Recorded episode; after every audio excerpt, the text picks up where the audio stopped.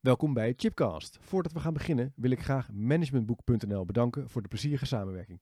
Managementboek.nl is al jaren dé plek waar ik mijn vakliteratuur bestel. En in het kader van Chipcast zijn we een hele leuke samenwerking gestart. Op www.managementboek.nl slash chipcast vind je een overzicht van de boeken die de revue passeren in de Chipcast afleveringen. Neem dus snel een kijkje op www.managementboek.nl slash chipcast.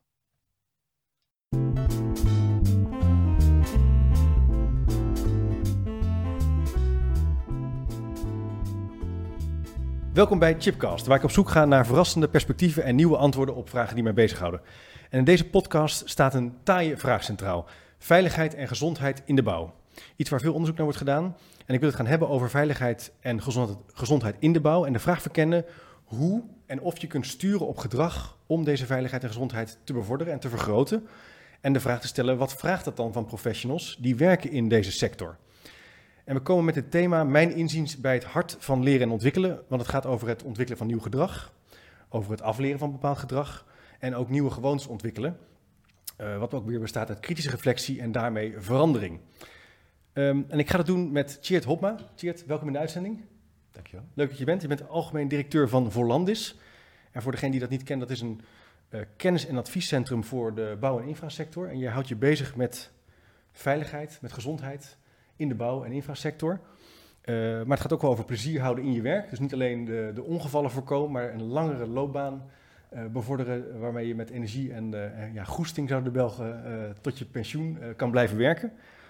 En wij gaan het aspect van veiligheid en gezondheid qua gedrag wat verder verkennen. Mooi.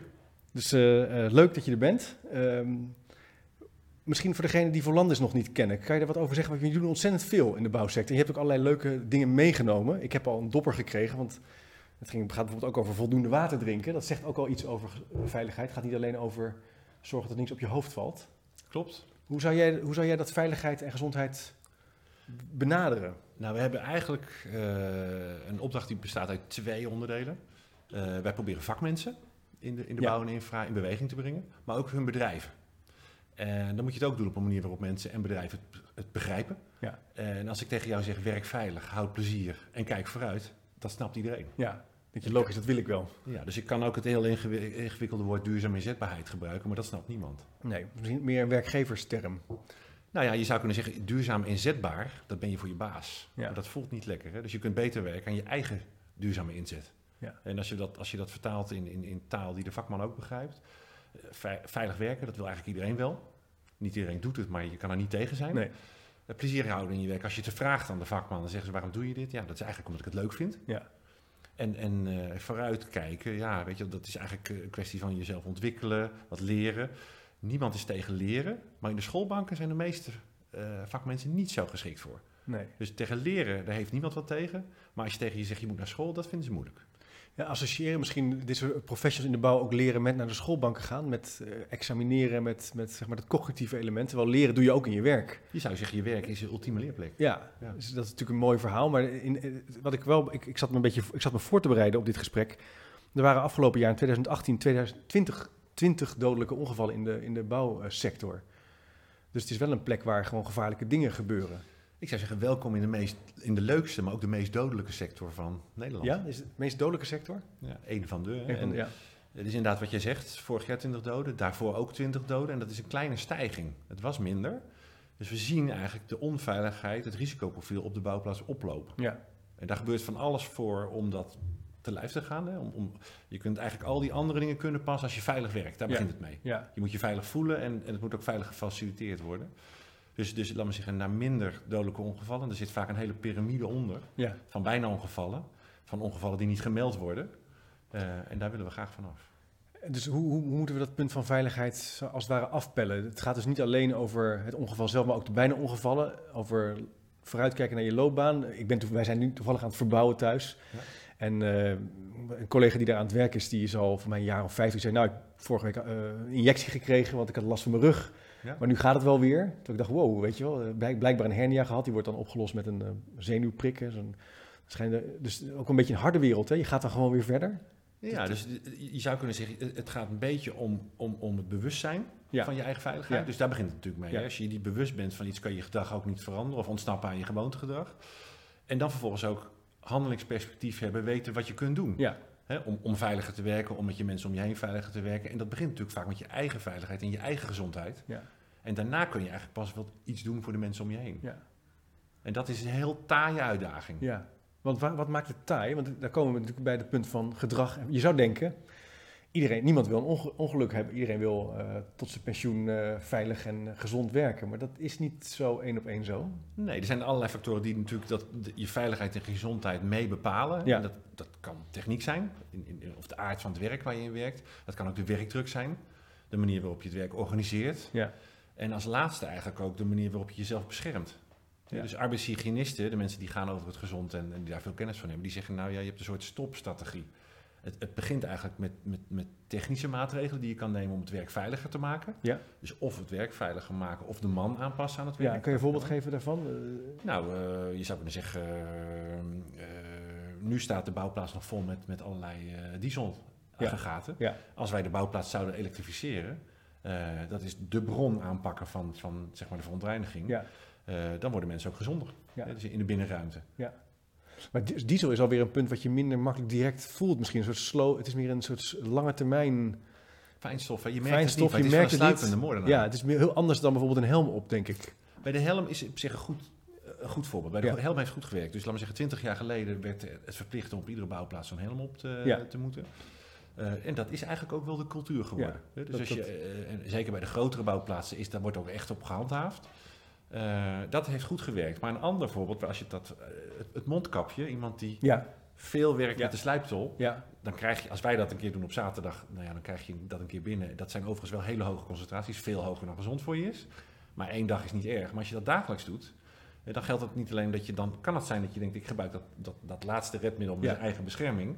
Maar als jij een stoppelbaardje hebt, wij zijn allebei relatief glad geschoren, ja. dus dan past dat. ja. Maar ben je dat niet, dan heb je een veel geavanceerder bescherming nodig dan dat eenvoudige kapje. En heel veel mensen realiseren zich dat onvoldoende. Jeetje, dus dat is eigenlijk zo dat door... Je kan dus denken, ik heb, een, ik heb zo'n ding op. Ik zit, het zit goed, maar eigenlijk komt er nog spul tussendoor. Ja. En als je dus elke dag dat doet, of om de dag... loop je hele hoge concentraties van stof, krijg je eigenlijk in je longen... en op lange termijn kan je daardoor uitvallen. Verhoogde kans op kanker. Ja. Dus, dus on, on- in de medische wereld zegt kanker eh, van de werkplek af. Dit is natuurlijk stof, is echt een sluipmoordenaar. Ja. ja. Maar de spannende vraag is, hoe krijg je mensen zover dat ze dat ding altijd dragen? Zouden we ze moeten verplichten? Eh, jullie, hebben, vers- jullie zijn natuurlijk verschillende interventies aan het verkennen. En met, Ja. jullie werken met allerlei partijen samen, hele grote bouwbedrijven. Klopt. eh, maar ook wel de kleinere bouwbedrijven, de familiebedrijven. De, de, de twee, drie collega's die eh, met twee bussen ja, gewoon mooi werk leveren. Ja. Dat is alweer anders, denk ik. Is er, Nou, zit er verschil tussen de type... ja, dus het is net marketing. Is het Dus net. Een goede marketeer, Ja. die, die, die, die is goed bekend met zijn product of met zijn diensten. Maar hij weet ook precies bij welke doelgroep die op welke knopjes zou moeten... Ja. Waar hij om vraagt, waar hij misschien ook niet om vraagt. Ja. En toch waar hij wel denkt dat hij behoefte aan zou kunnen hebben. Ja. De iPhone of je mooie smartphone, waar je niet om gevraagd hebt, die, dat gedrag is natuurlijk, die behoefte is wel aangeleerd. Ja. Niemand vroeg erom, Nee. maar toch vinden we hem allemaal prachtig. Ja. En, en zo is het ook met een aantal onderwerpen op het gebied van veiligheid en gezondheid. Misschien Ja. vraag je er niet om, als je het eenmaal hebt, dan kan je ook een, een, een, plezieriger, je werkgeluk kan omhoog gaan. We meten dat ook. We zien ook dat werknemers die veiliger werken, die dat ook aangeven, die wiens gezondheid beter is, dat die ook vaak met meer plezier werken en eerder bereid zijn om te leren en zich verder te ontwikkelen. Dus dat daar is- een relatie tussen te zien. daar is een relatie tussen. Dat is, dat is ook wel interessant. Dus het heeft echt ook wel eh, op geluk, Ja. geluksbeleving en een gevoel van eh, nou ja, je plek hebben in deze, in deze wereld, heeft het ook invloed. Wij vragen het, die Ja, vakman. jullie vragen het, ja. Dus elke vier jaar heeft iedere vakman die onder de bouw- en infra-CO valt, die heeft recht op een, een preventief medisch onderzoek. Ja. Eh, en eh, nou, als die mensen komen, dan, dan eh, overigens komt maar een derde van die vakmensen. Hoeveel zit er in die CO? Even om even orde van grootte. 120.000 mensen. Zo, dat is echt, ja. En, dat is En daar komt een derde van nu al naar deze, die doet die gesprekken. Ja, je zou zeggen al, maar wij zeggen maar. Ja, dat jullie geeft de ja, relativiteit ja, ja, aan. Dus met die 120.000 mensen, de bouwnijverheid is veel groter. Ja. Er zitten ook nog wel 100.000 ZZP'ers, 100.000 uitzendkrachten, misschien nog wel 100.000 PO'ers. Dus Dat zijn een half miljoen mensen.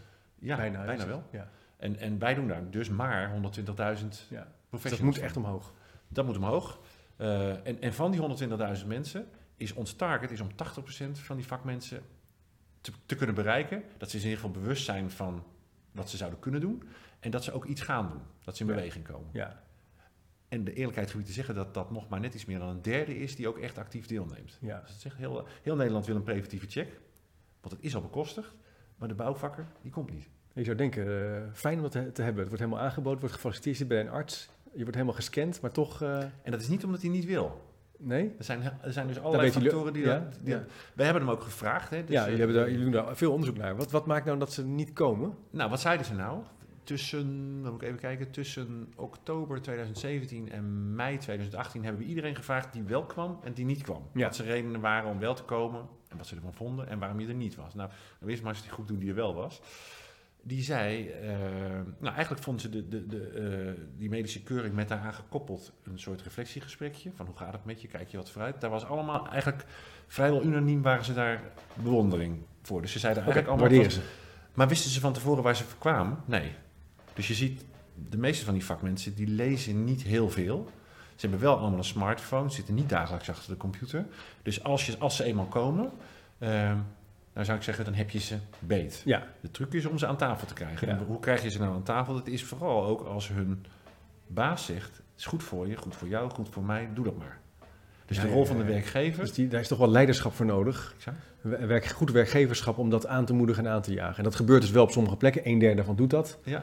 Maar misschien niet iedereen is daarmee bezig. Nou, kijk, er zijn, er zijn ook werkgevers die zeggen, nou ja, wij laten het dan onze eigen mensen over of ze dat doen. is hun verantwoordelijkheid. Ja. Dat mag. Maar wij weten uit ervaring als die werkgever zich wel wat sterker ermee aan moet. Want de norm is dat wij hier gaan. Ja. Het blijft een recht, het is geen verplichting. Dan komt soms wel gewoon 100% van die mensen in zo'n bedrijf opdagen. Ja. Dus daarom werkt toch wel het verplichten en het, meer, het vaststellen van een norm heeft wel effect. Zwaar. Terwijl we de laatste jaren met veranderen en leren toch wel een beetje op de toer zitten van we moeten mensen verleiden.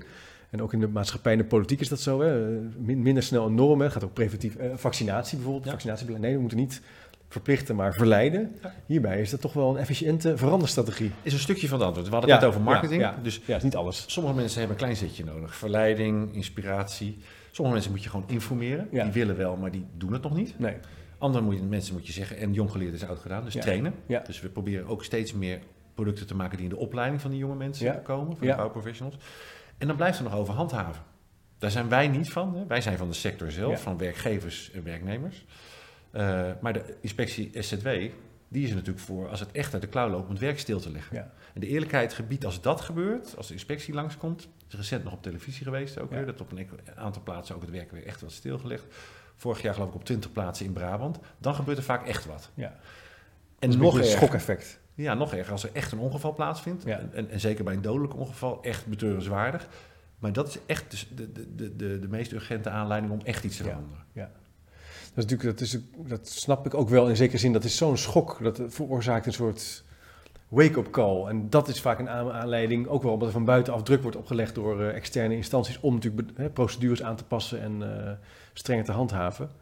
Ehm, je zou ook nog kunnen kijken naar of die professional zelf zicht heeft op zijn loopbaan. Of hij, ik, ik ben natuurlijk nu eh, eerste ervaring bij mij thuis zijn ze aan het verbouwen. Ja. Dus ik vraag er dan af en toe een beetje naar. Maar dat zijn mensen die, zijn, ja, die houden gewoon van hun werk. Dat is, Ja. Het is echt vakmanschap. Hè? Beton vlechten, beton kunnen storten, de bekisting kunnen maken. Maar over 10, 20 jaar, dan denk je, nou, dat doe ik dat nog steeds. Ja. Terwijl dat is maar de vraag of dat zo is. Nou, het is interessant om te kijken, de mensen die bij jou thuis verbouwen, die groep, dat is ongeveer 80% van die arbeidspopulatie in de bouw. We denken vaak aan de grote bouwplaatsen, ja. aan, aan de BAM's en de Ja. Maar die komen niet naar mijn huis. Die komen niet naar je huis. Eerlijk gezegd is in die grote bedrijven, op de grote bouwplaatsen, de zaak altijd goed geregeld. Ja. Dat, daar kan, kunnen we eigenlijk wel wel- van uitgaan. Ja. Eh, dat zeggen hun mensen ook, dus we meten dat ook. In, in, in die, die data die we verzamelen uit al die keuringen. Ehm, dus daar is eigenlijk, die hebben ons eigenlijk misschien minder nodig. Die, die, die, die maken slim gebruik van ons. Maar je zou kunnen zeggen dat de noodzaak misschien en het rendement nog veel hoger kan zijn in het kleine MKB. Dus die, Ja. die bouwer die bij Ja. jou bouwen thuis. Eh, en heel veel van die mensen die willen wel, maar doen vaak nog niet. Nee. En, en je zou kunnen zeggen ook, daar helpt de conjunctuur een beetje mee, een beetje tegen. Eerder toen het niet zo goed ging, toen zeiden ze ja, eh, eh, we hebben geen geld eh, Ja. om iets te doen. En nu wordt er zo hard gewerkt, ze zeggen we hebben geen tijd. Ja, als een externe, externe realiteit. Je legt als het ware iets externs op deze redenering. Van nou, dat kan ik niet omdat... Ja, dus je wil eigenlijk, ja. en, en dat wil niet zeggen, er zijn ook alweer te raven, hè? Ja, Dus on- ja, onder, die, onder, die, onder die ondernemers ook. En dan zie je ook in die, on- in die bedrijven waar de ondernemer zelf zich sterk maakt voor je veiligheid en gezondheid, het werkgeluk van die medewerkers, dat dat ook echt werkt. Ja. Dus leiderschap telt. Het maakt echt wel uit, ja. Het- het is nog wel boeiend om even op dat punt in te gaan van die professional die zijn eigen leerroute en zijn eigen professionaliteit vormgeeft. Is, jij zei net dat er wordt niet zoveel aandacht aan besteed in de opleiding zelf, in de opleidingen zelf, op mbo-niveau, hbo-niveau. Uh, sommige mensen starten misschien al vanuit, ja, direct al werkend. Klopt. Um, is daar nog wat te winnen, denk je? Daar is wat te winnen. Kijk, je zou kunnen zeggen, je moet onderscheid maken tussen functiegerichte trainingsscholing en Ja. loopbaangericht. Ja, Wij zijn van dat loopbaangerichte Ja. werken. Dus eh, als je naar de functiegerichtheid kijkt, dat is eigenlijk zaak werkgever. Om Ja. iemand gewoon eh, de, de gulden regels van de vakgenschap bij te laten houden. En dat is, dat is echt, dat moet de werkgever als verantwoordelijkheid zien. En dat gebeurt eigenlijk ook. ja, Eh, daar, daar is eigenlijk niet veel mis mee. Maar kijken die mensen nu ook ver genoeg vooruit? Hè? Dus Ja. hou ik het bij, het werk verandert. je lijf verandert, Ja. je veerkracht verandert.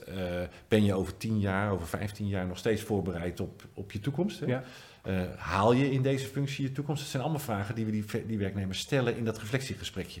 ja. Dus als zo iemand komt bij de bouwarts en, en hij doet eerst een testjes eh, Ja. en, en vervolgens neemt hij dat door. Heeft Ja. een lange vragenlijst ingevuld. eh, dus dan is het medisch-sociale deel doet die arts. Maar vervolgens interviewen we die vakman ja over, jullie gaan er nog... over die loopbaan. Ja, En, en, en, en dan krijg je toch een hele interessante gesprekken. Want er zijn mensen die hebben eigenlijk een heel goed plan.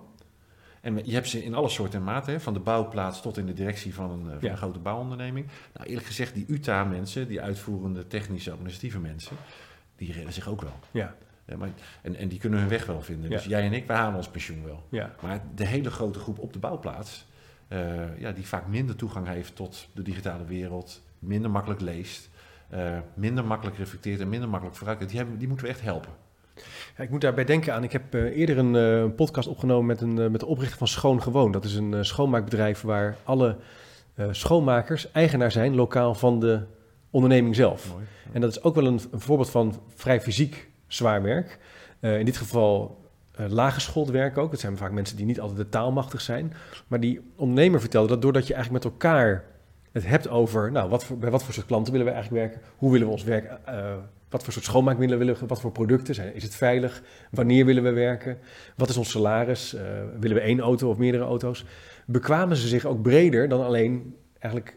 Je zou kunnen zeggen, het schoonmaken zelf. Ja.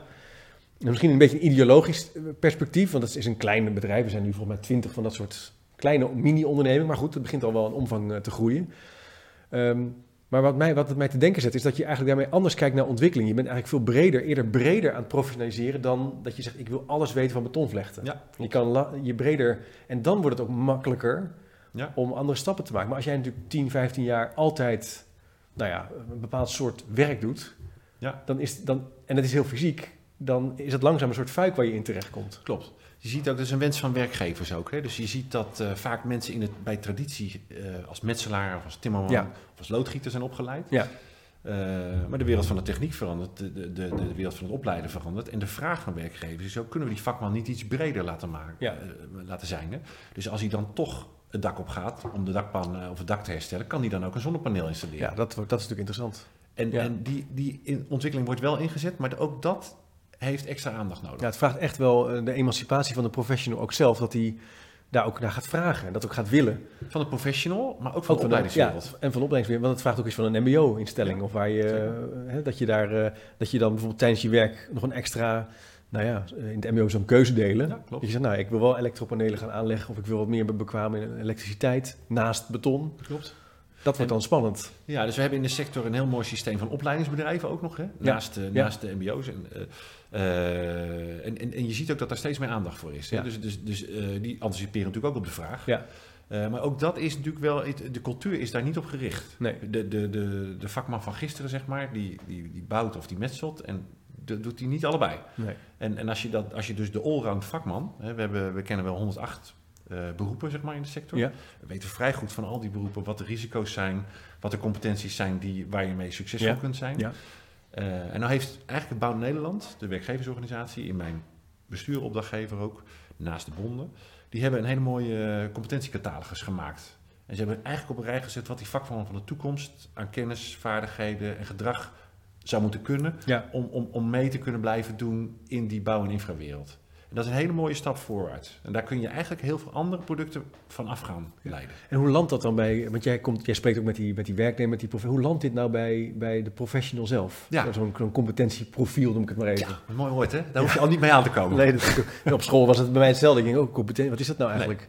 Dus, Vraagt dit- even wat moeite, hè? ja, dus dit is, dit is natuurlijk wel echt een branche van, van met beide benen op de grond blijven staan. dus, ja, dus dat betekent ook dat je in de taal van de vakman moet blijven spreken. Eh, en, en, en dat betekent ook, nou, kijk maar eens als je op die kaart kijkt die ik Ja. heb neergezet. Hè. We hebben het net over, dat, eh, over die, die drieslag van eh, werk veilig, houd plezier, kijk vooruit Ja. gehad. Eigenlijk zoveel als wat ons modelletje voor duurzame inzetbaarheid Ja. maakt.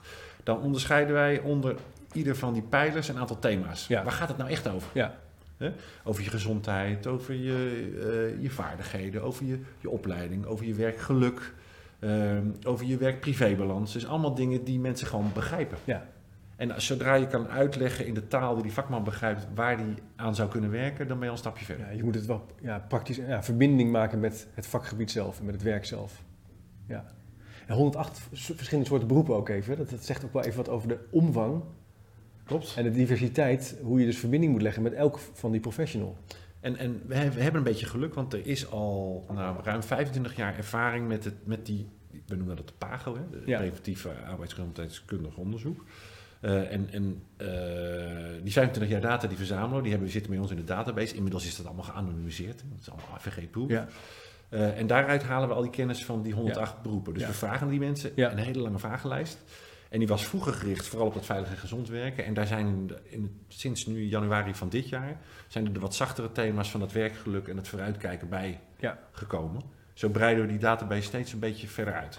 Interessant. Nou, wat ik wel, wel leuk vond, jij liet mij wat zien in de, in de voorbereiding. Het zijn waarschuwingsgebaren hè, op grotere bouwplaatsen. hè, als er een gevaarlijke situatie is en eh, ehm, wat je dan moet, eh, hoe je moet signalen eh, om hulp in te schakelen of om eh, naar stroom af te halen. Nou ja, zorg dat het veilig wordt. Maar wat mij met name opviel, dat daar in het Engels, in het Duits, in het Pools, in het Hongaars, ROU, Rom- is dat Roemenië denk ik? Bulga Ja. Bulgaars, Ja. Turks. Ja. Is het zo dat die bouwplekken steeds internationaler worden in Nederland? Antwoord is ja.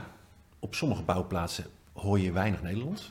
En dat komt ook omdat het systeem van grote aannemers en onderaannemers... en bijvoorbeeld de Roemenen, bijvoorbeeld, ik geloof dat daar veel staalvlechters vandaan komen. Dus je ziet dat eh, bepaalde beroepen, die halen wij uit het buitenland. Ja.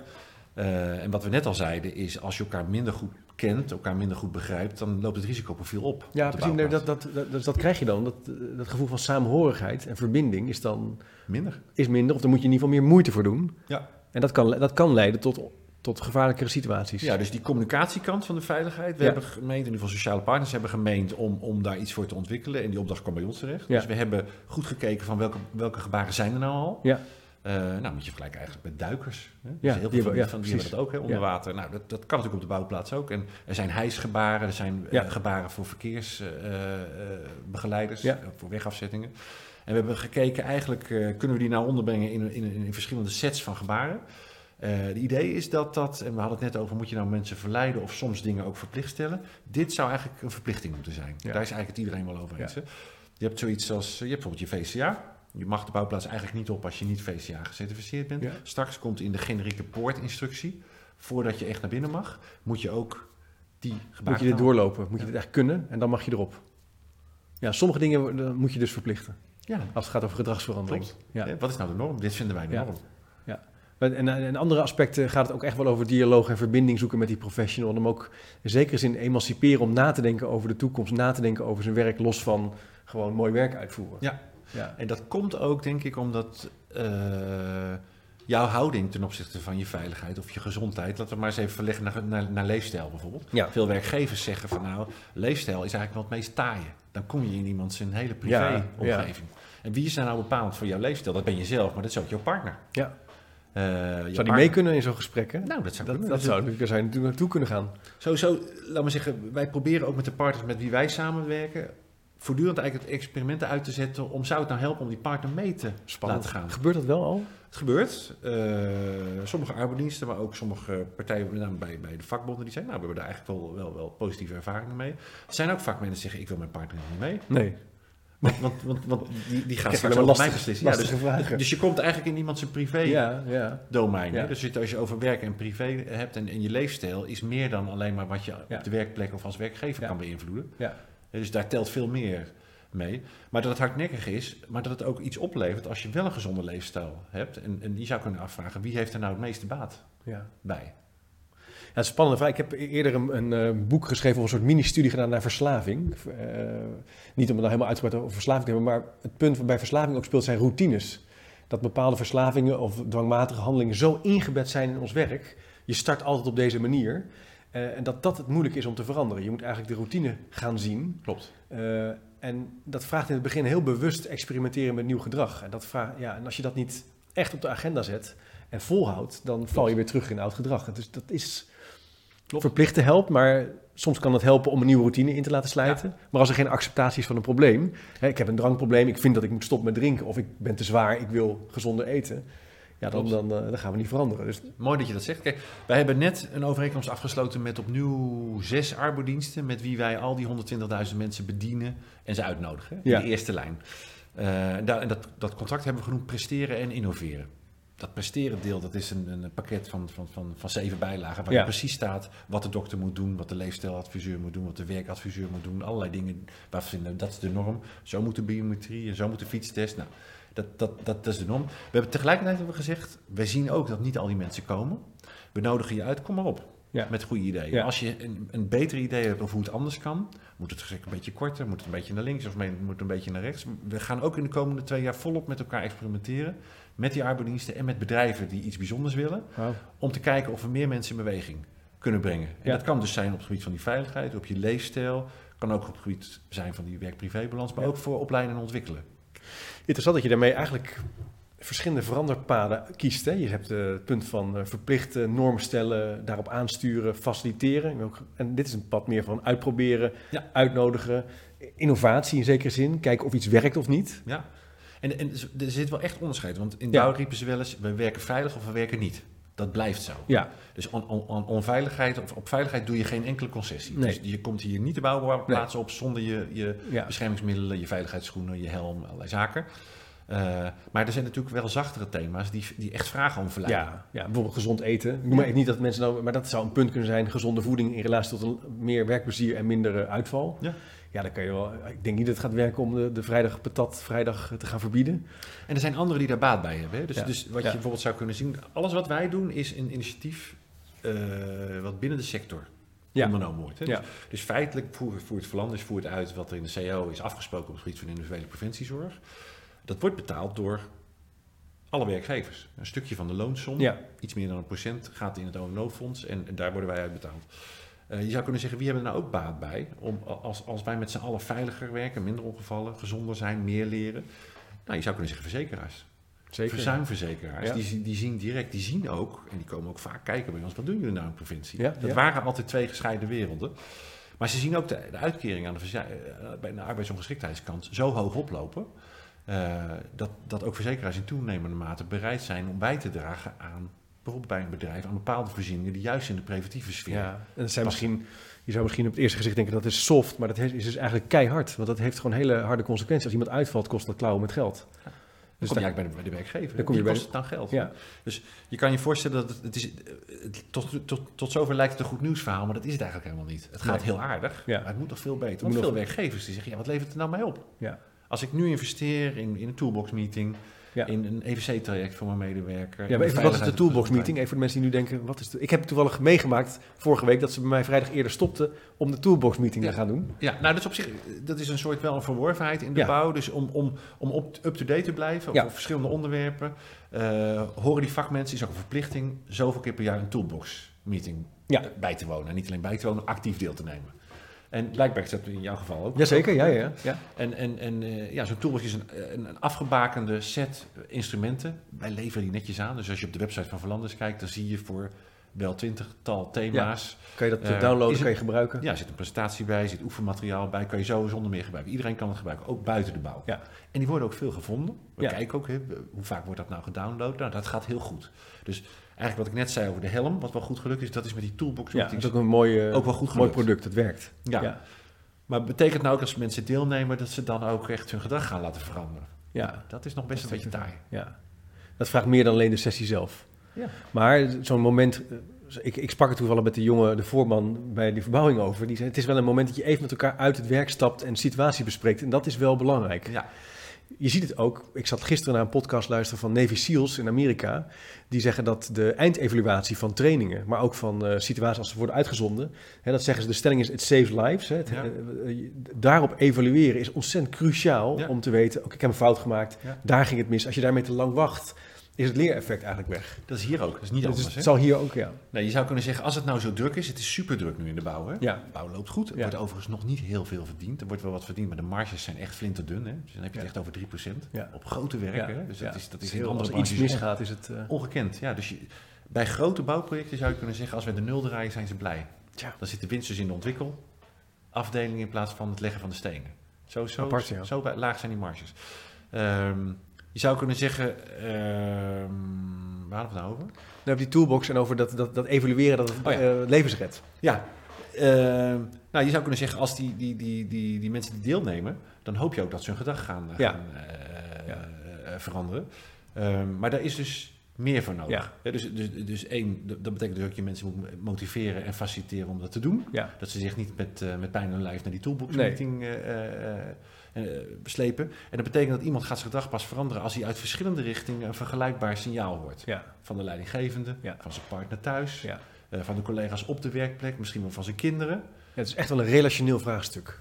Het vraagt leiderschap van de voorman, het vraagt leiderschap van jezelf, dat je op een gegeven moment besluit ermee aan de slag te gaan. Je kinderen, je familie en dat je ondersteund wordt door Je systeem. het systeem. Nou, Vollanders doet daar een eh, mooie poging eh, toe, want het is wel indrukwekkend wat jullie... In, want hoe lang bestaat Vollanders nu eigenlijk?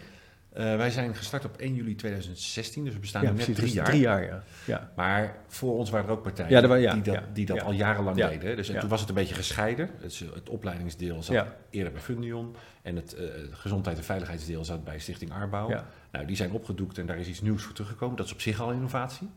En wij doen met eigenlijk maar nou ja, een kleine 50 mensen eh, dit werk. Maar Ja. daaromheen zit een hele grote groep met arbeidsdiensten. Een, een Ja, een soort netwerk van, van experts die eh, En dat net, die netwerkfunctie willen we eigenlijk nog steeds verder vergroten. ja, meer kracht bijzetten. Ja, dus ik zou ook zeggen 7 november, hè? dat is Ja, dag. want op 7 november is er een grote ja, stu- expertise dag, studiedag? deskundige dag. Deskundige dag is beter, ja, sorry, deskundige dag. Ja, dus wij richten ons eigenlijk op die vakman en, de bedrijven, Ja. waar, waar die mensen werken. Ja. Maar op die dag richten we ons op alle deskundigen met wie wij werken. Ja, en voor wie is dat een eh, goede dag om naartoe te komen? Eh, nou, iedereen die denkt dat hij vanuit zijn eigen deskundigheid iets kan bijdragen aan onze uitdaging, Ja, hè, dus eh, aan dat, dat werk veilig, houd plezier, kijk vooruit, is welkom. ja, Dan hoef je nog niet eens met ons te werken. nee. Dus, dus, dus het kost ook niks.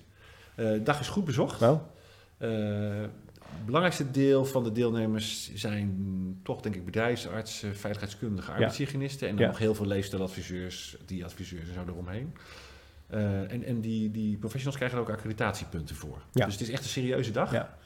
Eh, met een hele goede keynote. eh, ja, ik ben er ook eh, te gast. Ja, nee, hartstikke leuk. Ja, ik vind het heel spannend. In die zin, eh, wa- wa- wat ik in de opening al zei, van omdat het punt van leren en veranderen zo dichtbij komt bij een concrete werksituaties. En het lastige bij leren en veranderen vind ik in de, is dat het een theorie en een concept op zichzelf is geworden. Dus het is heel erg boeiend om ja, in, de, in deze werkomgeving te kijken, hoe, hoe gaat dat nou? Ja, en is dat te sturen? Dus de, die, ja, die, dat is die gewenste houding vraag. en dat gedrag wat wij Ja. graag van jou zouden willen zien, Ja. zowel bij vakmensen als bij hun Ja, werkgever. ja. Kun, kun, Kan je kun je daar nou echt effectief op sturen? Nou, het leuke is, we gaan in de aankomende weken nog verder op onderzoek. Hè? Want ik ga nog andere collega's, eh, bouwbedrijven interviewen die hier heel succesvol in zijn. Ja. Zowel grote partijen als wat kleinere partijen. Dus we gaan nog voor mij twee, misschien drie van dit soort gesprekken in de aanloop naar 7 november eh, ga, ik, ga ik dat voeren. Dus die kunnen collega's alvast eh, beluisteren en bekijken. En dan, ik zou zeggen, check even www.voorlanders.nl voor de deskundige dag zelf en als je wil inschrijven. Klopt, iedereen Top. is welkom. Ja, je bent gewoon welkom. Nou, oké. Leuk, Tjeerd. Nou, dankjewel voor je tijd. Leuk om het even zo eh, neer te zetten. Punt van veiligheid en, eh, en gezond eh, werken en leven in de bouw- en infrasector. Ehm, check zeker dus even www.voorlanders.nl voor eh, het inschrijven voor 7 november. Of chipcast.nl voor de speaker notes. Een aantal boeken zijn er genoemd, een aantal links, posters, pdf's, waarschuwingsgebaren. De, de, de kaart die je ook, Tjeerd even toelicht, die zal ik er ook even opzetten. Ehm, en ik zou zeggen bedankt voor het kijken en luisteren en tot de volgende keer maar weer.